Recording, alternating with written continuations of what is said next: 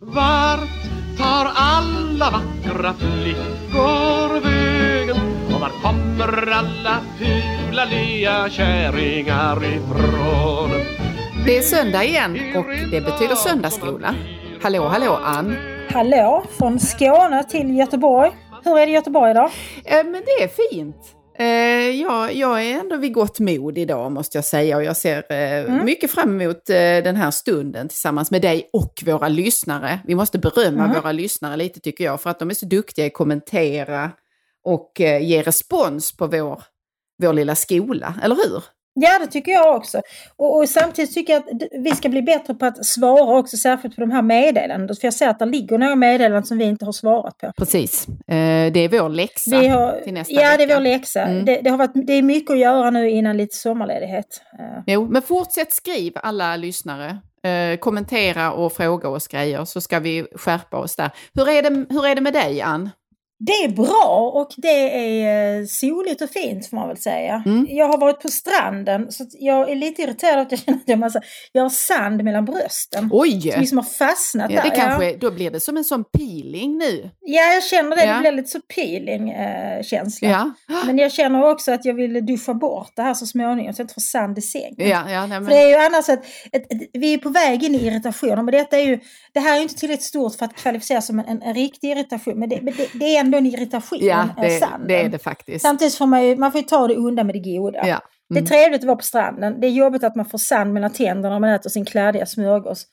Uh, och först mellan tänderna och sen mellan brösten. Och jag, tänk, jag tänker att vi kan igen då, det hör ju också till våra ritualer, berömma Skånes sand här. Därför att vi har ju inte sand här där jag bor, utan det är ju klippor. Och jag tycker ja. inte alls att det är samma sak. Jag vill ha sand. Där, där får det gärna komma sand under bröstet och i armhålan och vad det nu än är. För då känner man att man är... du vill ha sand i alla veck. ja, precis. Då är, man, då är man vid havet. Då är det sommar. Mm. Jo, men det, jag skulle säga att eh, jag bor nära det som jag tycker är Sveriges absolut eh, bästa strand, mm. Borbystrand. Mm. Det är mycket fint. Men eh, ur denna positiva, eller ur denna lyriska inledning så rusar vi in i irritationerna. Vill du vara först? Vill du irritera dig? Ja, jag kan, jag kan väl först irritera mig och jag vet egentligen inte vem jag ska rikta irritationen mot. Om det är eh, någon slags postbolag. Det finns ju olika nu. Det finns det här Postnord och så finns det DHL och så finns det väl Finns den vanliga posten kvar överhuvudtaget? Alltså de du menar Postverket? Ja, det heter väl det förr i tiden. Nej, det är väl Postnord? Är det inte så? Ja, det är det kanske. Ja. Jo, det är det kanske. Ja. För det, det, det min irritation handlar om det är att jag beställer ganska mycket böcker. Mm. Eh, på de här nätbokhandlarna. Jag tänker inte göra reklam. Jo, jag kan baktala Adlibris då, för det är de som inte sköter sig tycker jag. Mm. Men, men, och det tar liksom längre och längre tid ah, jag att få böckerna. Det är så alltså otroligt nu, irriterande. Det tog 18 dagar! Mm. 18 dagar! Mm. Det är ju inte klokt. Hur kan det ta 18 dagar från att jag beställer, jag betalar alltid med detsamma med den här lilla swishen, bara swishar iväg en massa pengar. Mm. Och sen får jag först besked efter 10 dagar att en av böckerna som jag beställt finns inte längre. Nähä? Och då så blir det kludd för att man ska ha tillbaka den där liksom 179 eh, kronor ja. eller vad jag betalade för just den boken. Och sen så tar det ytterligare åtta dagar innan resterande böcker kommer. Det är inte okej. Okay. Alltså det kan inte, det är inte rimligt att det tar 18 Nej, det dagar att skicka ett paket här. med böcker. Det är något lurt i hur de, eh, tänker jag, eh, exponerar befintlig befintligt bibliotek eh, på hemsidan kontra vad de faktiskt har och hur snabb leverans äh, ja, de kan precis. få. För att jag har ju varit med om precis samma och det kan ju vara då att jag har tänkt använda en viss bok i en text precis. eller i eh, någonting jag ska skriva om eller bara för mitt mm. arbete. Eh, I mitt vanliga arbete med, med forskningen och så. Och att då vänta, och så vill jag ha boken själv, jag vill kunna notera i den. Så att, eh, annars kan man ju alltid gå och låna på UB, men jag vill ha ett eget exemplar. Och då faller liksom hela planeringen på grund av det du beskriver nu, att bokjäveln inte kommer som lovat. Jo men precis. Mm. Och exakt så var det för mig. För att jag har precis börjat skriva en ny bok. Mm. Eh, som ska vara färdig någon gång tidig höst. Liksom. Och då hade jag fyra dagar som var vikta där jag inte hade så mycket annat att göra. Mm. Där jag tänkte att jag skulle, för att jag hade inga andra texter att skriva. Jag tänkte okej, okay, liksom, nu, nu tar jag de timmarna jag har där och ger mig in i detta.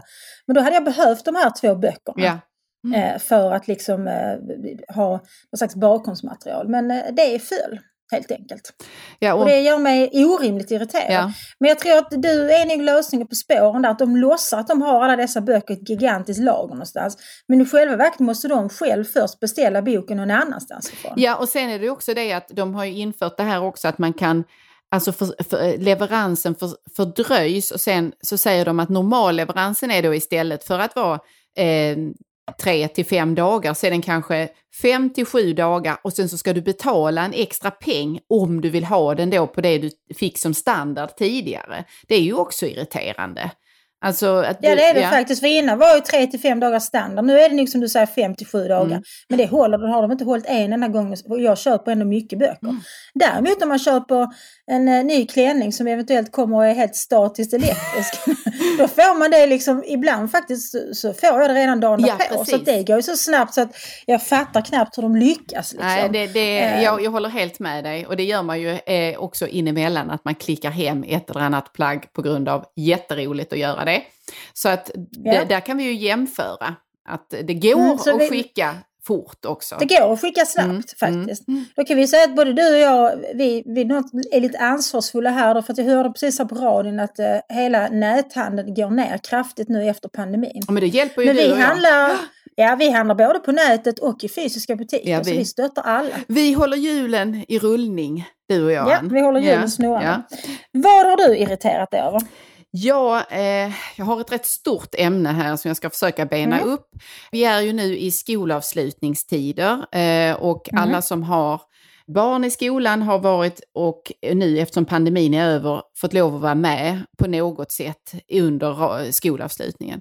Och då slår det mig dels att hur hur mycket som man har tappat under de här pandemiåren. Alltså det som tidigare ändå var, i alla fall var det så på de avslutningarna jag var på, där man tidigare hade lite längre program och det också ingick att alla klasser skulle göra någonting. Då har man reducerat det till att eh, det bara är typ två sånger som barnen sjunger tillsammans eh, och inte att någon så att säga får träda fram i egenskap av egen klass eller som individ. Mm. Eh, och då är det med motiveringen att eh, ja, barnen klarar inte av att lyssna så länge och de blir liksom spattiga och börjar prata och sådär. Och då kommer första, del ett irritationen är här. Ja men det blir de ju inte alls om ni säger till dem att stå stilla eller vara tysta. Här handlar det om att liksom sätta någon slags kravribba på vad barn mm. som går ändå i alltså det, vi talar inte om förskolebarn här, utan det är ju skolbarn, kanske till och med mellanstadiebarn. De klarar mm. visst av att vara stilla och tysta i sådär nästan en timme och se när kamraterna framträder och underhåller och så. Det tycker jag ingår i vad skolans uppgift är.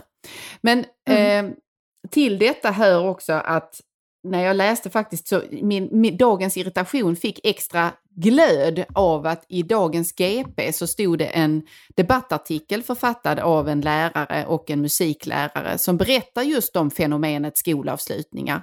Och hon irriterar sig på detta att den som är duktig på att spela ett instrument eller sjunga sällan får göra det i ensamt majestät. Utan vi har mm. den här idén då i Sverige att ja, men varför ska någon sticka ut? Det är väl härligare om vi sjunger alla lite granna dåligt. Och så sjunger vi, men vi gör det tillsammans och ju mer ja, vi är precis, tillsammans precis. ju gladare vi blir då. Ja, det är eh, och här finns liksom ett, ett källan till problemet med skolavslutningarna. För vi vill ju gå dit och vi vill se våra barn både tillsammans och vi vill höra de som har utmärkt sig och som är extra duktiga på att traktera ett instrument eller sjunga. Det tycker jag man ska få lov att göra, precis som man får lov att vara duktig på idrott och bli hyllad för att man har gjort det så måste man få lov att bli hyllad för att man är och få lov att ta plats för att man är duktig i någon estetisk bemärkelse eller konstnärlig mm. Bemärkelse. Jag tycker det är fel, jag, jag irriterar mig på det. Jag vill se, jag vill se liksom, jag vill ha klass på skolavslutningarna igen. Och de håller på att förflackas nu och bli bara mummel. Ja, vi, vi har inte riktigt sett den här klassiska skolavslutning i kyrkan-debatten. Den brukar annars komma alltid vid här, den här tiden på året. Jag tror att det är för att det är så ytterligt få som är i kyrkan på skolavslutningen. Det är några enstaka, möjligen skolor på, på landsbygden eller så.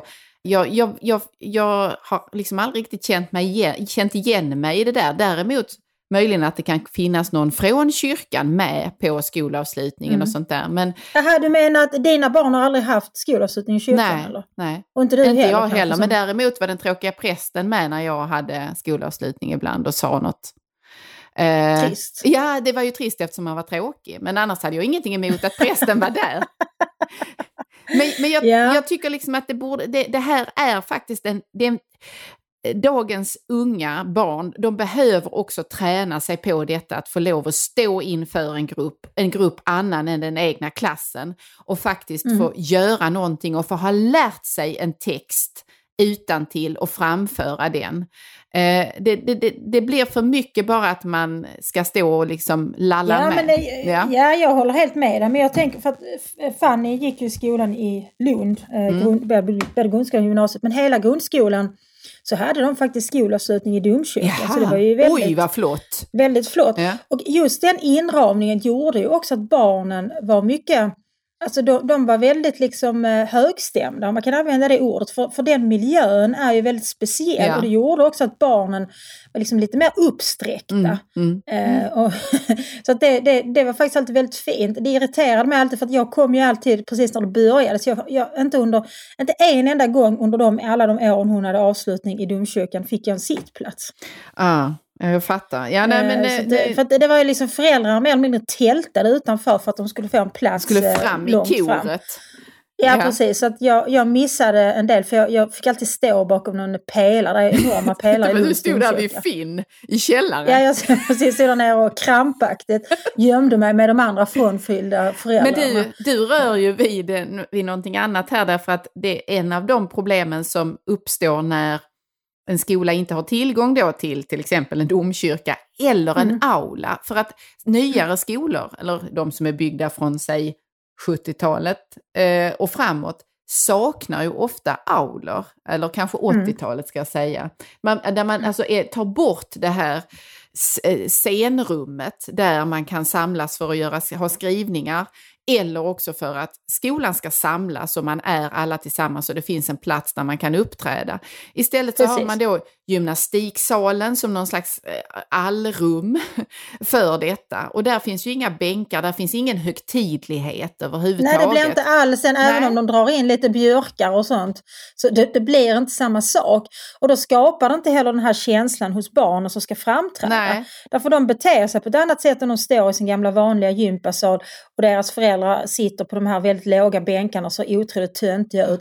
Eller om de faktiskt står där i sin eh, fina nya klänning i domkyrkan. Ja, det är mycket stor skillnad. Så att ibland blir jag beskylld för att vara konservativ i mycket högre grad än vad jag är det, för det är jag faktiskt inte. Men just här, i det här fallet, här är jag konservativ. Här är konservativ. Ja, här vill jag ha ordning och jag vill ha högtidlighet och eh, någon slags liksom, vad ska vi säga, hur ska vi beskriva det? Ja, men det respekt ska vara- det ska för vara- tillfället och för Ja varandra. men precis, det ska vara Mm. en värdighet. Mm. För jag kan bidra med ytterligare konservativa inslag här. Då för att första skolavslutningen Fanny hade, då, gick, då gick vi i Åkarp, sen flyttade vi tillbaka till Lund. Men, så då hade hon skolavslutning i skolan i Åkarp och det var precis som du beskrev.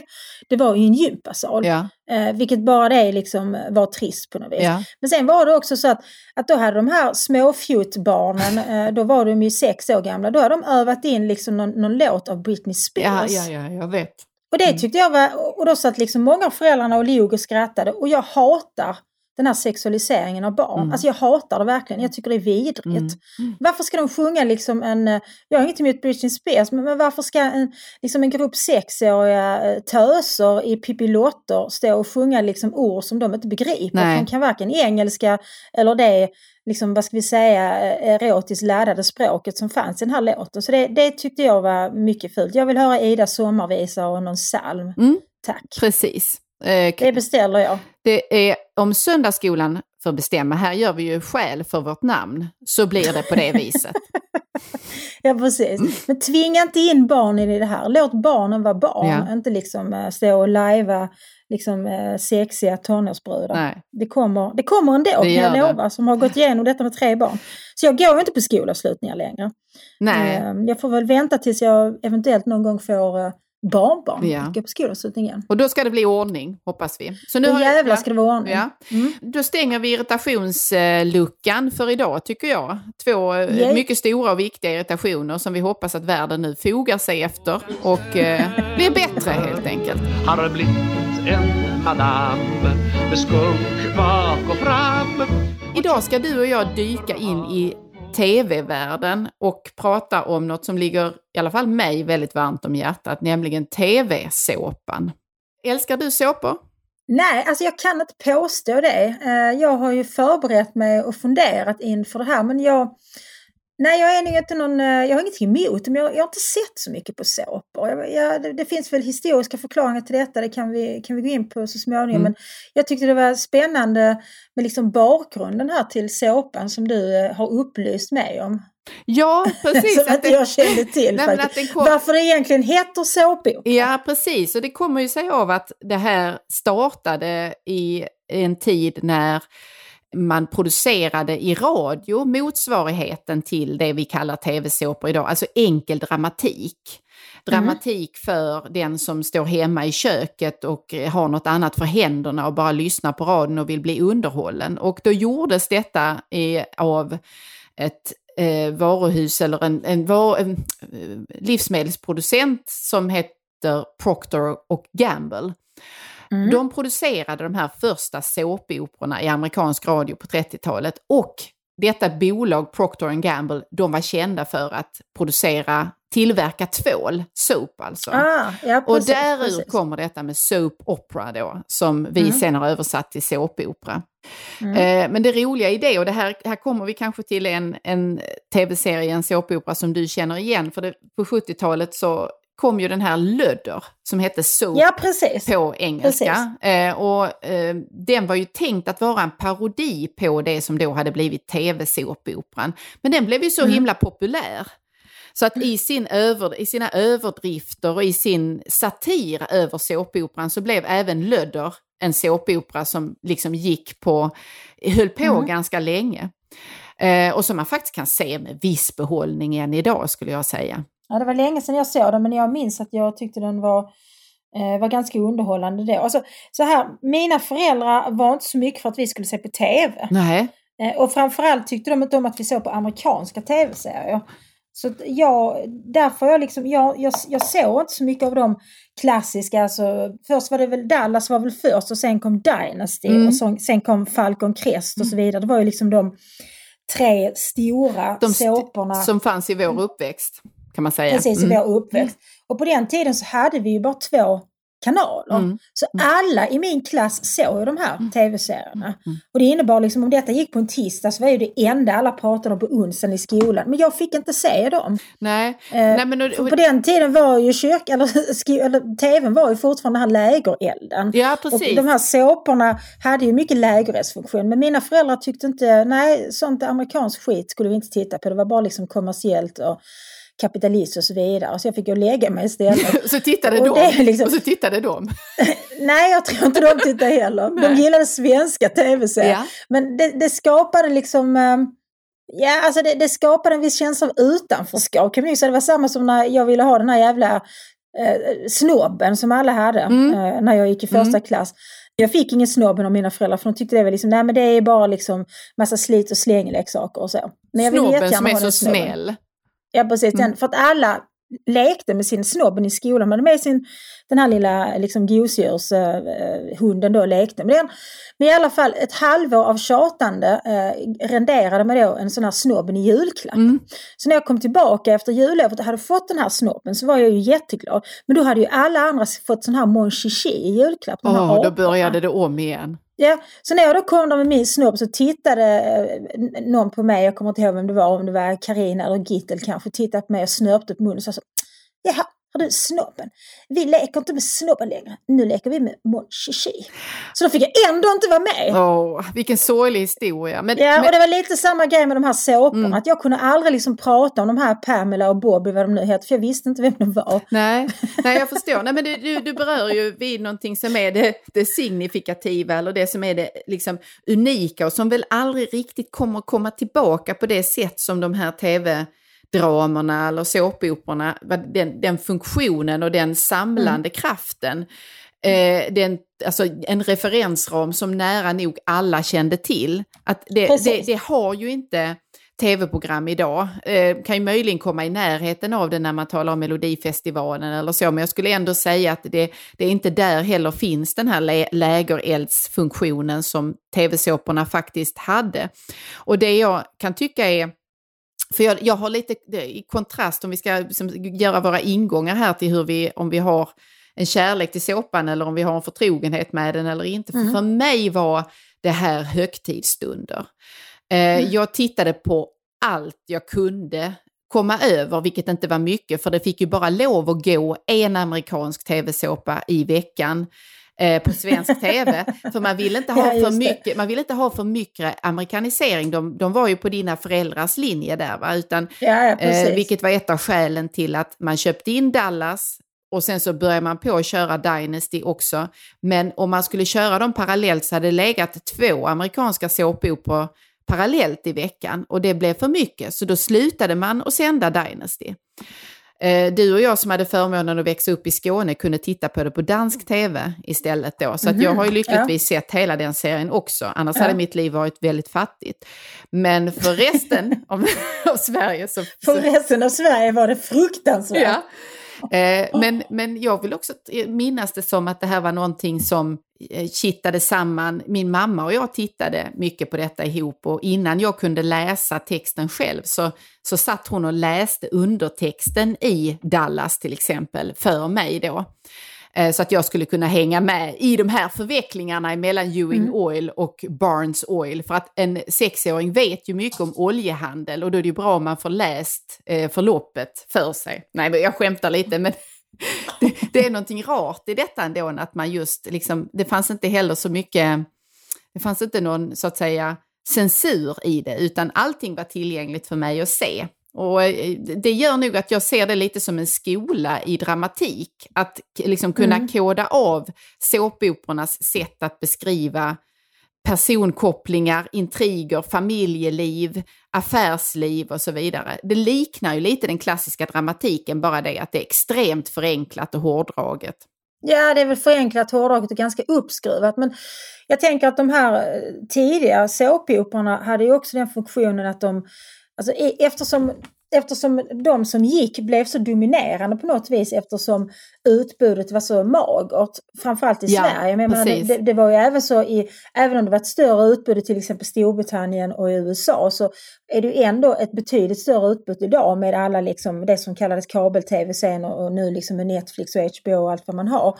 Så idag så, så fungerar ju inte tv-serier som den här lägerelden. Det fungerar inte som en gemensam referenspunkt.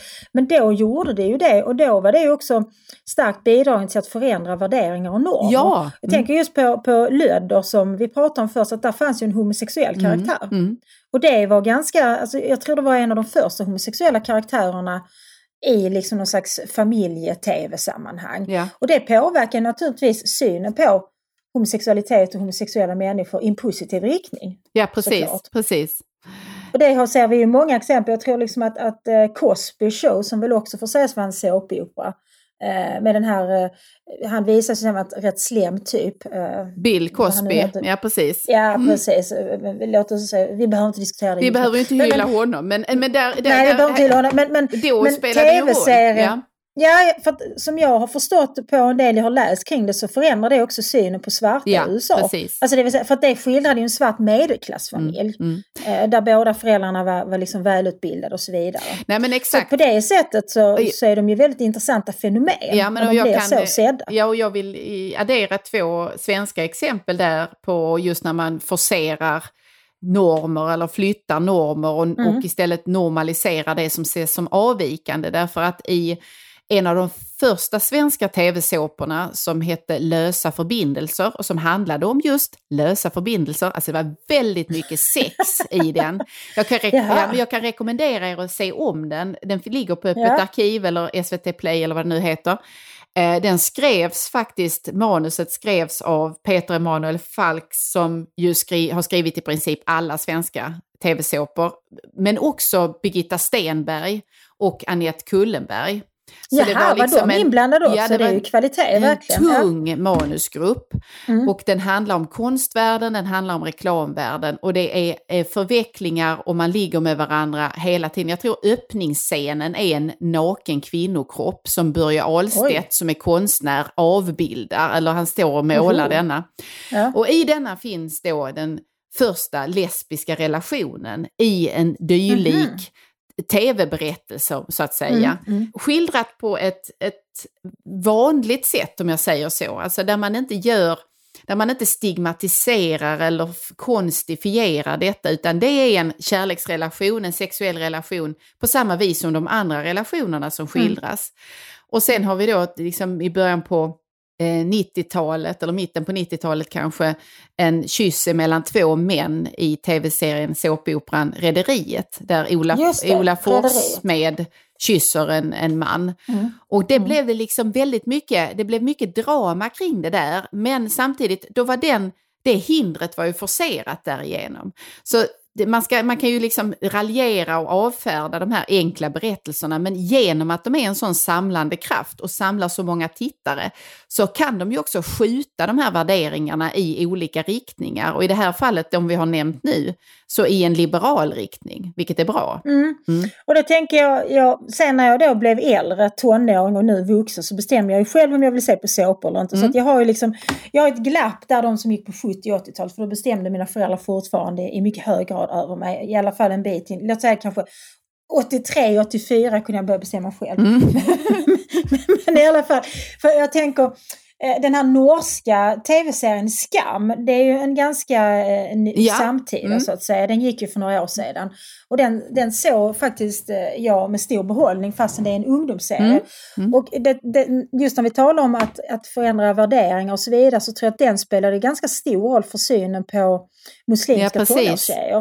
Därför en av de här, det är väl fyra tjejer, eller är det fem möjligtvis, mm. men en av de här tjejerna är då muslim. Mm. Men, men hon, det, hon är liksom inte en tjej som är utsatt för hedersförtryck eller något sånt. Utan det är liksom en, hon är en tonårstjej mm. och så är hon muslim. Mm. Uh, och det tror att jag läste en hel del texter om och liksom eh, muslimska kvinnor och tjejer som berättade om att, att det hade varit en viktig förebild. Ja, så precis. På det, och det var ju faktiskt också en sån serie som sågs av oerhört många. För mm. den, var, eh, mm.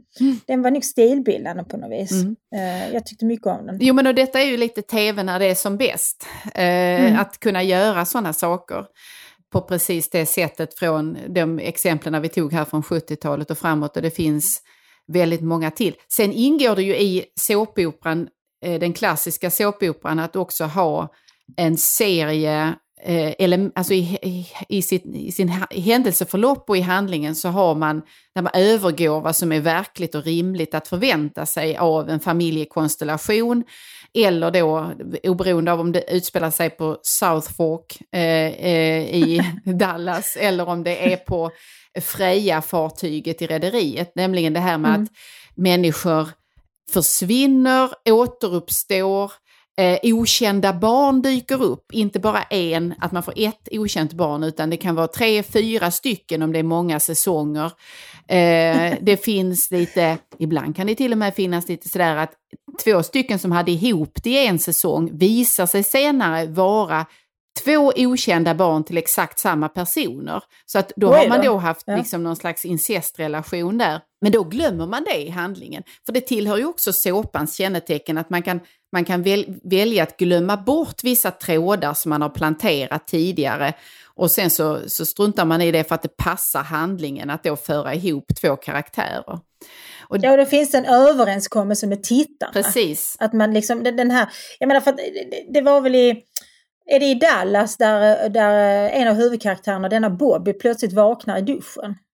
Ja precis, han återuppstår i duschen där. Han blir precis. Eh, på... Därför det har väl varit en hel säsong där han egentligen har varit död eller vad han nu har varit. Ja, han blev ju olyckligt påkörd eh, av ja, eh, Pamelas eh, elaka syster tror jag det var.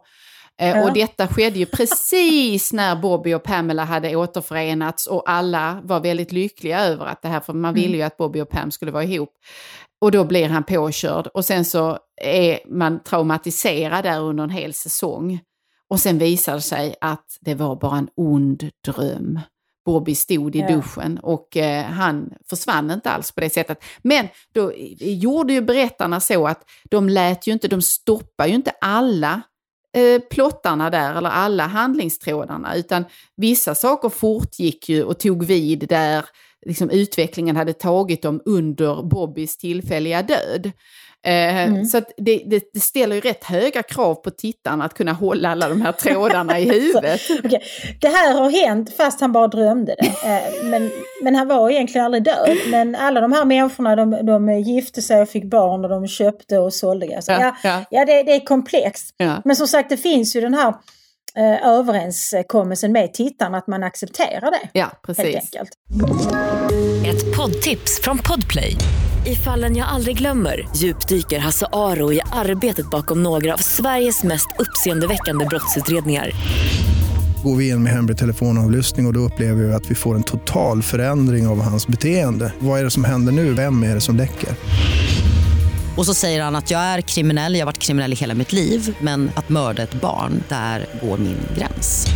Nya säsongen av Fallen jag aldrig glömmer på Podplay. Midjan så smal Så att royal Men om man ska säga några typiska kännetecken på vad en, en såpopera ska innehålla så tänker jag att det Mm. är en det, det ska vara ett begränsat antal personer som är kärnan på något sätt. Om det Mm. då är en familj. Som finns kvar, som återkommer liksom. Exakt. Finns kvar hela tiden. Ja. Ja. eh, en familj eller kring ett företag eller en, en, en bar eh, eller en, eh, något liknande där då handlingen, ett hotell kan det också vara. Och så spinner handlingen kring detta. Och sen så har man ofta, det finns liksom tillbakablickar eller något liknande som kan göra att man kan bryta handlingen på ett sätt och föra in element man inte visste fanns från början. Eh, och sen tänker jag just att det är det här att det är det centrala är relationerna till, alltså kar- som karaktärerna har emellan varandra. Och det, gäll, det gäller ju skam som du förde upp också. Mm. Att det är det som är pulsen eller det som för det hela framåt. Precis, det är ju centrum är ju en skola och så är det de här tjejerna då som, som utgör huvudpersoner. Det är ju samma i de olika säsongerna för sen är det ju är det då personer som är pojkvänner och mer perifera vänner som kan vara väldigt viktiga en säsong men sen är de helt borta i nästa säsong och då är det ingen som någonsin pratar om dem. Nej, precis. Så det är det är ju samma, samma överenskommelse där så att säga. Och sen skulle jag säga att ett kännetecken är också att det finns något element av upstairs and downstairs. Alltså det fin- finns en, en, eh, ett överskikt, en överklass eller de som har det välbeställt. Och sen så finns det, detta är signifikativt särskilt för de svenska såporna. Och sen finns det då någon slags golv där det är eh, de som inte har det så väldigt gott ställt då. Alltså ta varuhuset till exempel. Ja som, precis, jag tänkte varuhuset men även rederiet. Mm, Eh, att det är ju liksom de här ägarfamiljerna kontra då de anställda. exakt. Och deras inbördes relationer. Ja, och i varuhuset hade vi ägarna och sen hade vi lagret där Bengt och Carlos arbetade. Mhm. Och då är, det, då är det liksom någon slags pyramid, verkligen, att där man har Mm, toppen mm. och sen alla nivåer där under. Och det är ju för att det finns alltid någon du kan känna igen dig i då. Mm.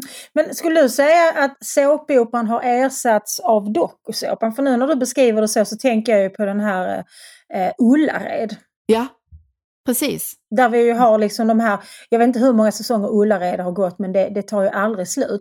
Och då har vi liksom, det är ju väldigt mycket de här eh, Morgan och Ola-Conny som är huvudkaraktärer och de motsvarar ju då liksom Carlos och vad heter han, Bengt på lagret. Mm.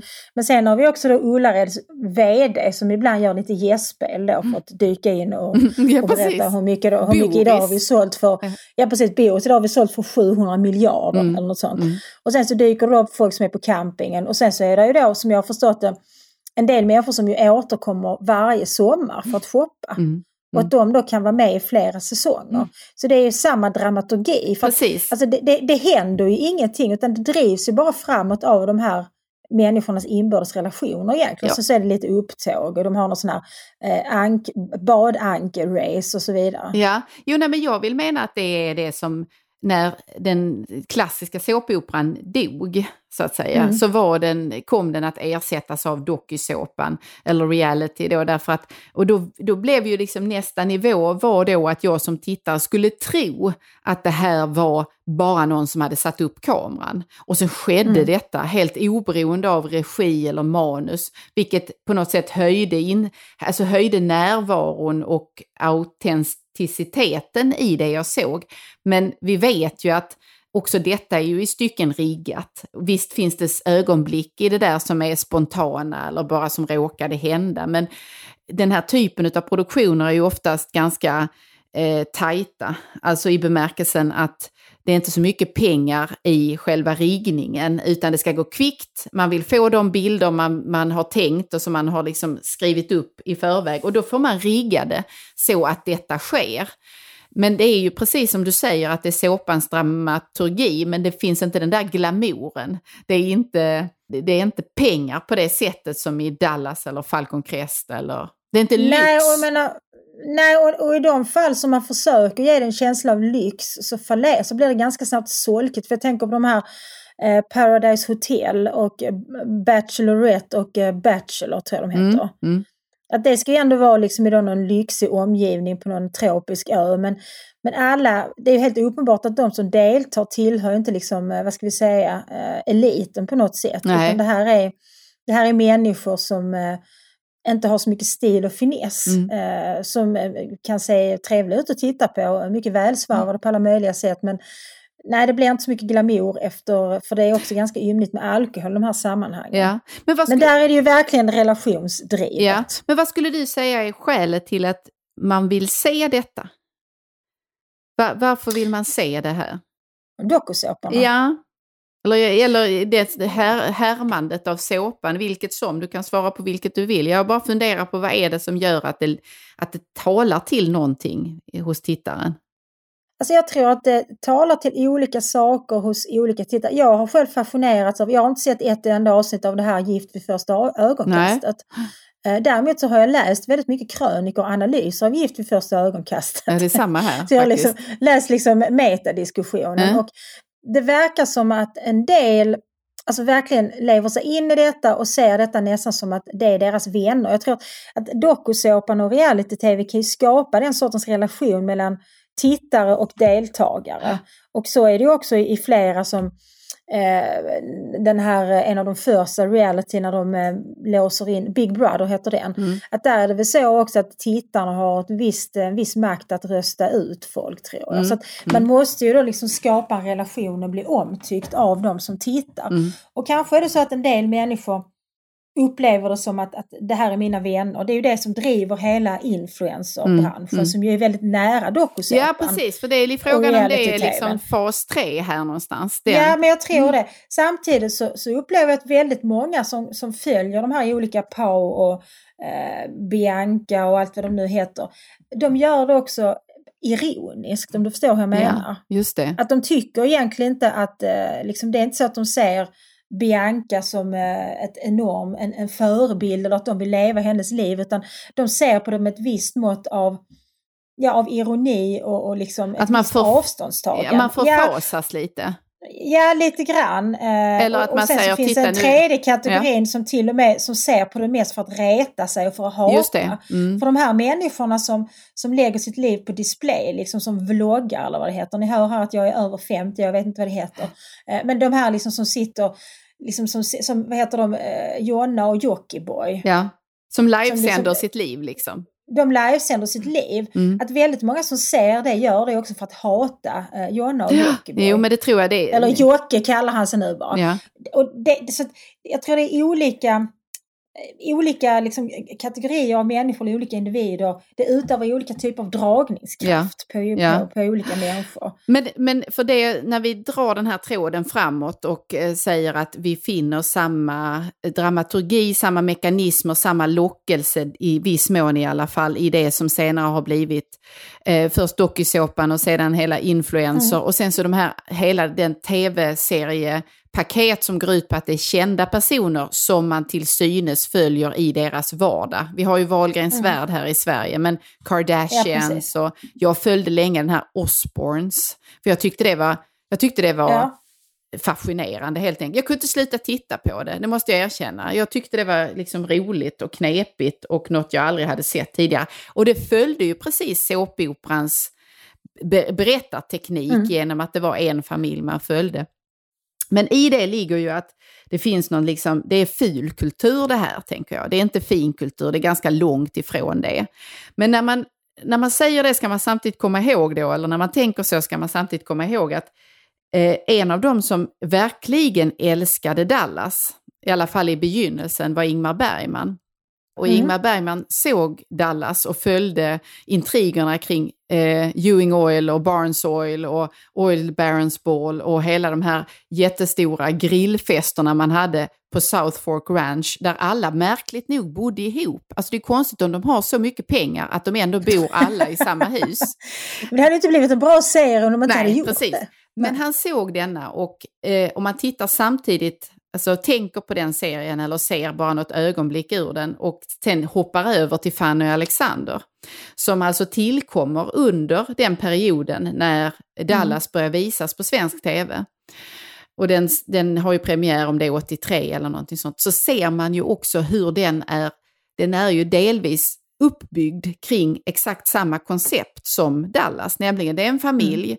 det finns ett brödrapar, eller tre bröder, där den ena är lite lyckad, den andra är mindre lyckad så att säga, och så finns det en som är en sån här kvinnokar. Och som är, ja. Eh, det är ju Jarl Kulle, eller Jarl Knulle, som vi brukar säga här i podden.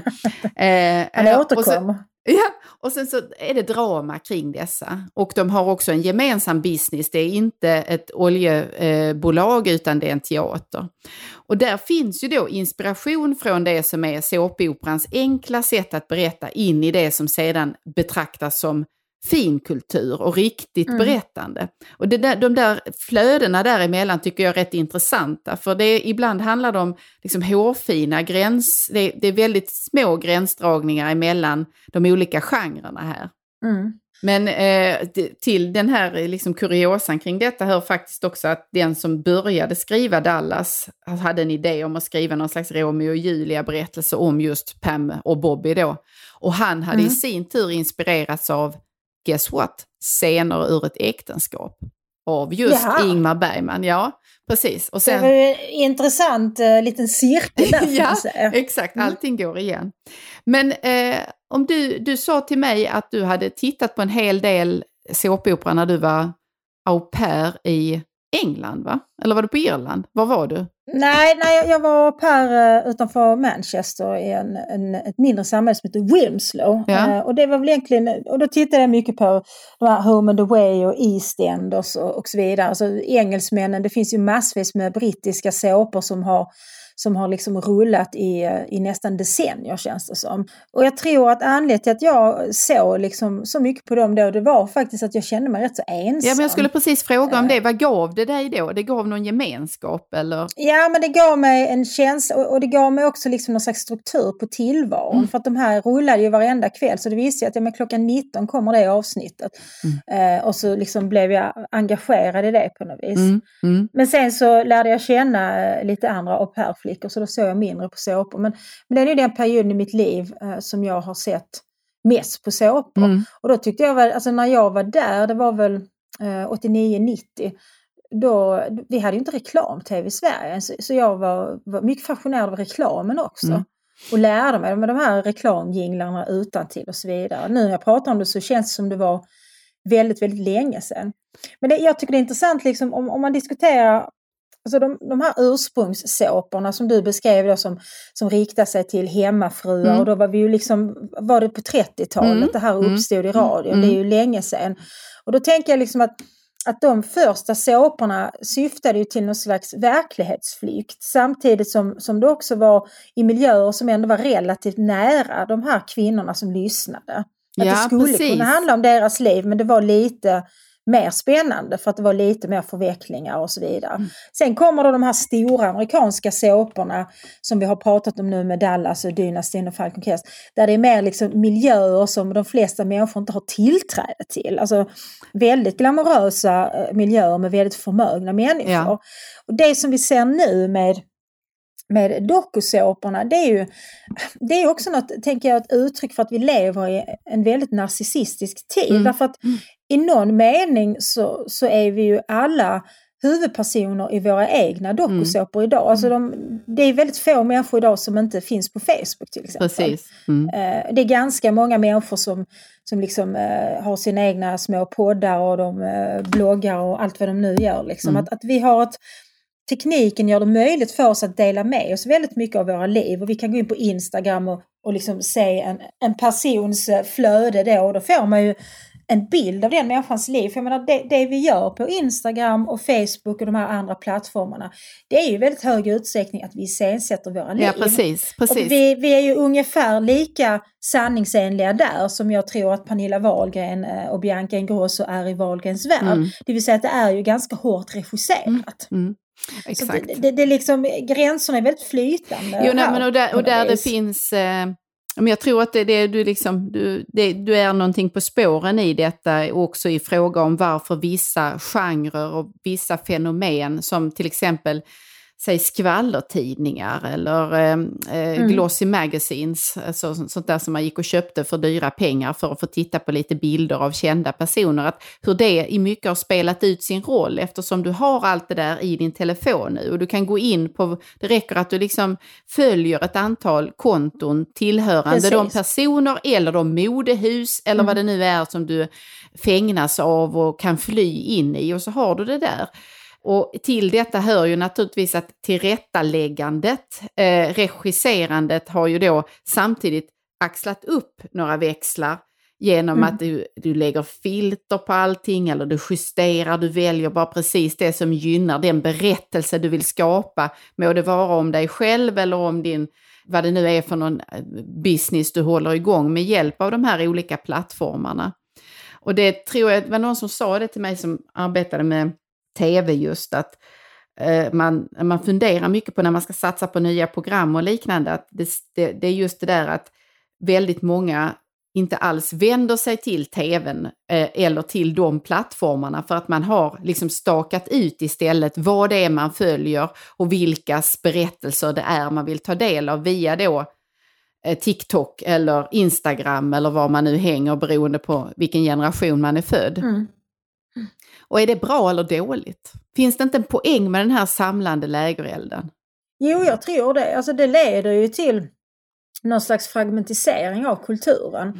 Eh, jag har ju aldrig ens varit inne på TikTok. Nej, inte jag Men jag heller. förstår ju liksom mm. när jag pratar med yngre kollegor och eh, mina barn och så, liksom att det finns ju de människor som är enormt stora på TikTok. Mm. Och inte minst nu hela bevakningen av kriget i Ukraina, att, att på TikTok finns det ju unga människor då som befinner sig i Ukraina och som på något vis rapporterar därför mm. kan man väl säga, eller liksom postar sina berättelser och så. Så det, det är ju en helt okänd eh, värld för mig. Precis, man eh, ändå, måste, man ändå borde kanske förhålla sig till, med förhålla menar jag, alltså ta del av och förstå, därför att det är ju, vi har pratat om det här med polarisering och liknande på olika sätt mm. i podden tidigare, men det här är ju en aspekt av det, nämligen att de eh, Dels i fråga om vilka källor man kan lita på eller vilka versioner som kommer en till dels, men också att befolkningen liksom glider isär i fråga om var man hämtar de här impulserna eller berättelserna eller vittnesmålen. Eh, och det tror jag är det finns nog mycket gott med att vi har flera alternativa kanaler och källor och sådär, naturligtvis. Men det finns också någonting som går förlorat i detta. Ja men det tror jag, alltså för att det, en, en sån sak som en tv-serie mm. som, som väldigt många ser på, det blir ju ett shit i samhället, alltså det mm. blir ju någonting att tala om. Mm. Och som du säger, alltså, det här förfärliga Mello fungerar ju inte så längre. Eh, och jag ser ju inte heller på sånt som Let's Dance och de här tävlingsprogrammen, det, det, jag tycker det är helt ointressant. Ja. Sen så gör ju liksom kvällspressen sitt bästa för att blåsa upp det till en riksangelägenhet. För varenda fis liksom som släpps i, under de här danserna ska ju rapporteras. Liksom. Ja. Har blivit en madam med skunk bak och fram. Jag vill föra in ett annat, en annan tv-serie, den skulle inte kategoriseras som, som såpopera, eh, men nära nog som var stor också under din och min uppväxt, som heter Lilla huset på prärien, som ju bygger på Oh, ja. eh, Laura Ingalls Wild Ingalls... Den fick jag se. Du fick se den, ja precis. Den har, Ja. den har format mig och min moral i mycket hög grad Ja. skulle jag säga. Men den tillkom ju på ett initiativ av eh, Michael Landon som också spelar Mm. pappa Charles Ingalls i Just det. serien. Och Mycket bra hår. Mycket bra hår, mycket bra figur skulle jag säga. Han hade ju någon slags Alltså, en triangel. riktig karl. Ja, verkligen. Ja verkligen, han kunde liksom både läsa sagor och bygga ett hus från grund. Han bara gick ut och högg ner några träd. Och sen hade han Sen ju byggde också han nära till känslorna. Han blev ju ofta Ja. tårfylld av kärleken till sin familj och liknande. Så att han, en förebild för alla män skulle jag säga att Charles Ja, Ingalls är. verkligen, verkligen. Men det han ville göra när han ville filmatisera eller televisera den här bokserien, det var just att han tyckte då, nu är vi alltså i början på 70-talet, slutet på 60-talet, början på 70-talet när han börjar arbeta med denna, att han tycker sig då se hur samhället just glider isär och hur det inte finns liksom så god, alltså moralen eroderas. När jag säger 70-talet så kan ju alla Mm. associera till vad det var han reagerade på. Han tyckte Mm, familjen hade tappat sin, sin nyckelroll i samhället och då ville han med hjälp av de här klassiska nybyggar, pionjärberättelserna då, skapa ett kitt igen och påminna om vad var det som, som byggde det här landet, vilka värden är viktiga, hur ska man vara som människa, hur ska man fungera som en familj, vad är strävan, vad är ansträngning, vad är gudfruktighet? Och så vidare. Och tittar man på dem idag igen då så ser man egentligen, det kanske man såg redan då, jag var för ung för att fatta det, men varje avsnitt är en liten morallektion som inte utan poäng skulle jag säga i fråga om just vad är, vad är viktigt, vad måste man göra, hur, vad, vilka prövningar ställer dig livet inför och så. Så det tycker jag är en skicklig, en skickligt exempel på just hur man redan då såg de här tv-berättelserna som kitt, möjligt kittskapande i samhället. Ja, och jag tänker på en, en senare tv-serie, Beverly Hills. Ja, Den var ju väldigt tydlig så också, att, att varje avsnitt behandlade ju ja något det har du rätt i. ämne som, som berörde unga människor. Det kunde vara liksom som eh, ja, men, eh, Droger. mobbing eller droger eller abort eller ska man ha sex innan? Eh, Alltså det, var liksom sånt som man föreställde sig då med viss rätt att unga människor funderar Mm, kring. mm. Eh, och sen så var det ju då de här olika personerna, de, de på något vis personifierade ju också olika moraliska eh, ideal eller Mm, hållningar mm, kan man säga. Mm, verkligen. Så att, eh, den, den traditionen har ju levt vidare. För man säga. Det tycker inte jag att man kan se, inte så mycket de svenska såporna om vi tänker Rederiet och Varuhus, så där fanns nog inte den ambitionen. Det har ju eh, public service tagit igen med råge sen, att de Ja. har tagit sitt eh, Precis. uppfostrande uppdrag på, på största allvar. Men, men då i såpoperans eh, begynnelse, eller i just den, den genren, så har inte SVT precis agerat så. Nej, och det ska de väl Eh, ha, tänker det ska de väl ha eh, en applåd för. För att eh, alltså, både varuhuset som gick var det 87, 88, den var Mm. inte alls så himla lång som Rederiet som sen löpte över tio år. Men de hade ju till huvudsaklig funktion att underhålla eller vara en Mm. förströelse i tillvaron. Och jag tycker varuhuset är en roligt exempel just genom att den det är det här, alltså att det är en galleria i princip ju som man, eh, som Mm. hela det här alltet utspelar sig i. Och där ytterligare en karaktär som jag tycker är signifikativ för såpan eh, finns med, nämligen då den starka kvinnan. Mm. Alltså kvinnan som är eh, lite intrigerande, men som också har mycket makt. Mm. Och som är eh, gärna attraktiv och som har, går på minor ibland, men som är framgångsrik i sitt intrigskapande och maktspelande. Och i varuhuset är det ju Kristina Skolin som gör den rollen det, som det. Margareta Öhman. Så att, du och jag pratar ju ofta om genusaspekter på våra olika ämnen. Och Mm. Ofta så beskriver man ju såpoperorna som, som att de är så stereotypa i att det är de här eh, de, de heterosexuella relationerna och att det är, kvinnorna ska bara vara vackra och de är sminkade när de går och lägger sig på kvällen. Pam var alltid det i alla fall i Dallas. Vaknar sminkade Ja, exakt. Eh, och så.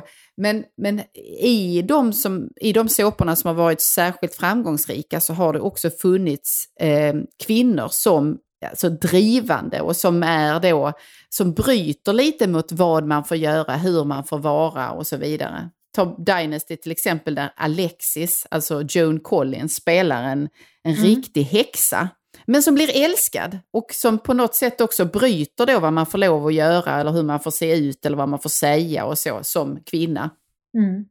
Men, kan, men kan man tänka sig liksom att, att när det här moraliserande inslaget som ju kan vara både bra och dåligt, när, när det blir, tar överhanden, att det är bakgrunden också till dokusåpornas framgångar. Därför att Ah, ja. Även om dokusåporna är väldigt mallade så kan man ju inte säga det är ju sällan ett liksom, jag skulle säga moraliserande budskap i dem utan tvärtom så är det ju någon slags amoralisk hållning. ja, precis. Inte minst om man tänker på de första dokusåporna. Alltså första dokusåporna var väl typ eh, Robinson och sen Baren. Och det var ju, jag vet det blev ju någon fruktansvärd eh, debatt kring Det var ju någon Robinson. slags bakanal.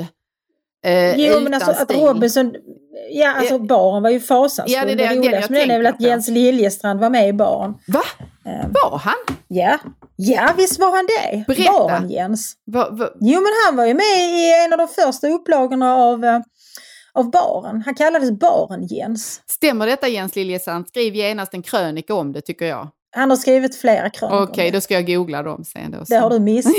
men, men, men, men liksom baren var ju ett riktigt liksom snaskigt och snuskigt format. Ja. Medan Robinson väckte ju då uppseende och avsky bland eh, många, inte minst kulturskribenter. Eftersom det var det här eh, elementet av att folk röstades ut. Och det tyckte man liksom att ska public service verkligen eh, hålla på med den här sortens av mobbing. Mm. Men, men om man ser hur liksom dokusåpagenren har, utvecklats efter det så var ju detta ingenting. Det var en, eh, liksom en pust bara. När jag tänker på vidare genom Big Brother, eh, där det också, där, de som du nämnde tidigare, en Paradise Hotel heter det väl? Ja, Alltså, Paradise där- Hotel, Där, Ex on the beach, jag vet inte om det Ja, finns som svensk version, men Paradise Hotel finns ju som svensk version. Och sen också de här Bonde söker fru, alltså det är ju rätt så liksom Eh, känslomässigt besvärligt och också den här då som både du och jag har läst om men inte sett, alltså Gifta vid första ögonkastet. Nej, men, men det som är Bonde söker fru kvalar väl inte in som, eh, i att de faktiskt visar människor som har sex på riktigt. Eh, medan de andra ju har det som, det, det är ju det hela in, innehållet byggs upp mot och det är det man försöker så att säga locka deltagarna att eh, falla ifrån så pass eller falla ur sin ram så pass att de glömmer kamerorna eller skiter i dem på grund av Precis. att de är fulla. Och så lägger de, eh, liksom, eh, ligger de med varandra eh, och så sitter man där och tittar på detta. Vilket ju också, där kan man ju tänka sig att man verkligen inte höj, det går ju inte riktigt att känna sig höjd som tv-tittare i det ögonblicket. För att det är ju helt enkelt bara ganska billigt. Och lite unket måste jag säga. Ja, och det är ju bill, det är ju billig tv-produktion också. Ex, Man extremt billig. Jag tror inte Eh, att de får Ett antal betalt. unga, unga, snygga och liksom testosteron eller hormonstinna personer till ett hotell och så ger man dem obegränsat med sprit och så ser man vad som händer. Ja, precis. har blivit en madam med skunk bak och fram.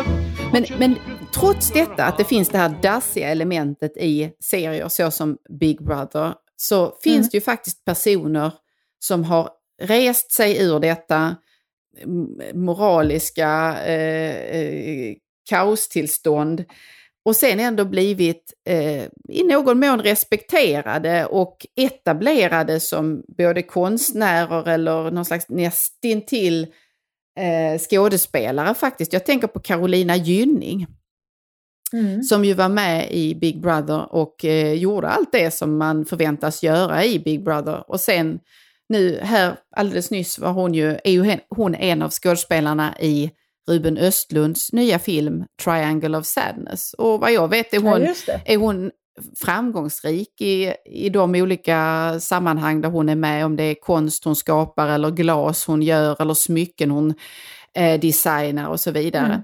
En annan parallell är ju Lena Endre som förvisso inte Mm. har varit med i Big Brother och legat med någon där. Nej, nej, nej, nu blev jag förvånad. Ja, Jag? Men hon, hon slog ju igenom i varuhuset. ja, det Eh, och var då väldigt ung, väldigt ny. Och då kan man tänka att en sån där chansning att vara med i en såpa som var något som såg ne- sågs ned på av eh, den fina kulturen. Men vem var där och tittade igen på såpan om inte Ingmar Bergman? Och han, ah, så där plockade han upp Ja, han plockade upp henne och det, sen var ju hennes karriär färdig kan man säga. Alltså, eller rättare sagt, sen var den banan snitslad till alla de framgångar hon har varit med om. Så mm. att eh, det kan gå åt båda håll. Sen har man andra sorg, mer lite sorgliga såpopera-karaktärer som blir fjättrade vid den roll de har haft i de här serierna. Alltså det vill säga man är alltid Rickard i köttdisken i varuhuset ja, till exempel. Precis. Mm. Men jag menar som Görel Krona, hon eh, gjorde väl en, en, bra karriär efter varuhuset. Jag tänker Johannes Brost är ju en intressant figur som har pendlat mellan sådana här mm, roller och samtidigt Dramatens skådis. Ja.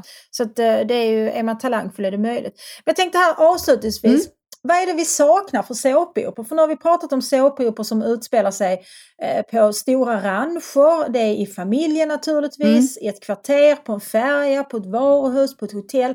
Vilka miljöer skulle du rekommendera någon som vill skriva en såpopera? Finns det någonting som är underutnyttjat?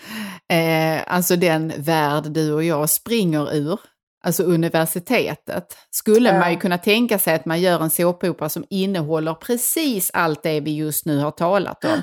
Eh, och det är mycket sex, det är alkohol, det är intriger, det är stulna dokument. Det är, det är maktkamper, det är maktkamp. strider om forskningsmedel. Ja. Eh, det är förbjuden eh, kärlek mellan eh, studenter och professorer. Ja. Det är otroheter. Ja. det är förfalskad empiri och så vidare. Postseminarier, vinkväll och så vidare. Men det, ja. det, är frågan om det är tillräckligt brett. För att det är ju det, det men jämför vi igen med den där lösa förbindelsen som jag nämnde, som ju har en väldigt snäv krets egentligen. Alltså mm. att det är konstnärer och gallerister det handlar om i princip. Hur många kan känna att det är den världen man lever i? Det är ju inte jättemånga. Så att det behöver ju inte vara så att eh, miljön förskräcker, utan bara den innehåller de här momenten eller de här komponenterna av sex och så vidare, möjligt sex i alla fall, så tror jag man är hemma.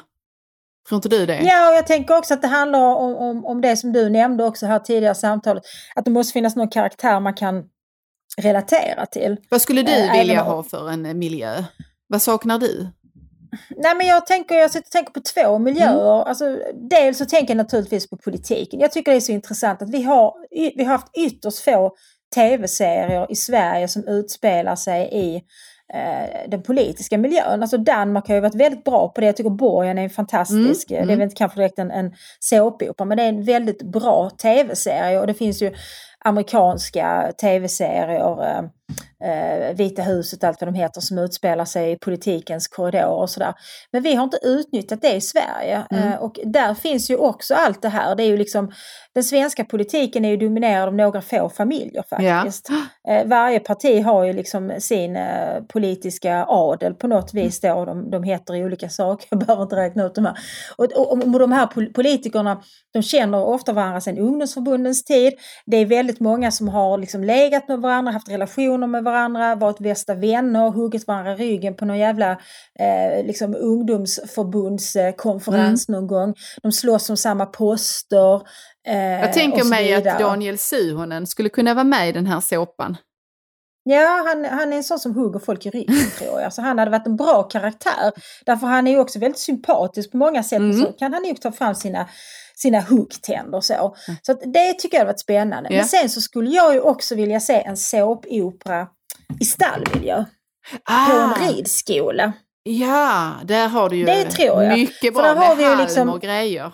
Ja precis, mm. en liten avgränsad miljö med kanske en, en oerhört sexig och läcker eh, ridskolechef eh, och sen så ett gäng kvinnor som kretsar kring den här personen.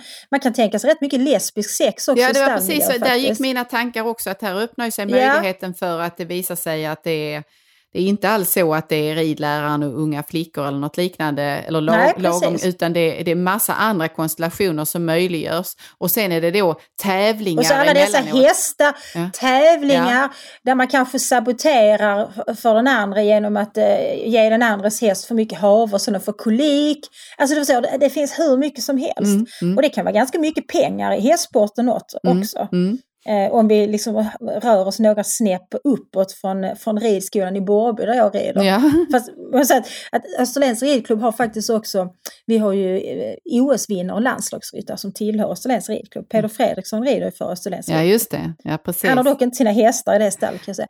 Men, men hästmiljön är ju underutnyttjad i eh, ja. eh, svensk eh, dramatik. Och där hittar man Så ju det, också- det är ett hett tips.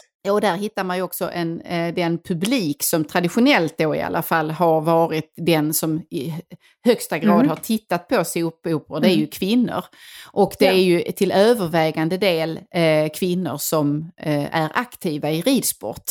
Och som Så rider. det. Så att det, det skulle ju verkligen vara, eh, och det är dessutom, för att ta mitt exempel eller mitt förslag, det är ju till övervägande del kvinnor som nu söker till högskola och universitet. Mm. Så att det borde också vara en, en möjlig eh, success, tänker jag. Ja, Men- vi kanske ska, ska, ska skriva någon slags Ja, ja, såpopera. Så vi, det, vi har, jag tänker att när vi, har, när vi stänger söndagsskolan för idag så gör vi en pitch och skriver. Eh, Ja.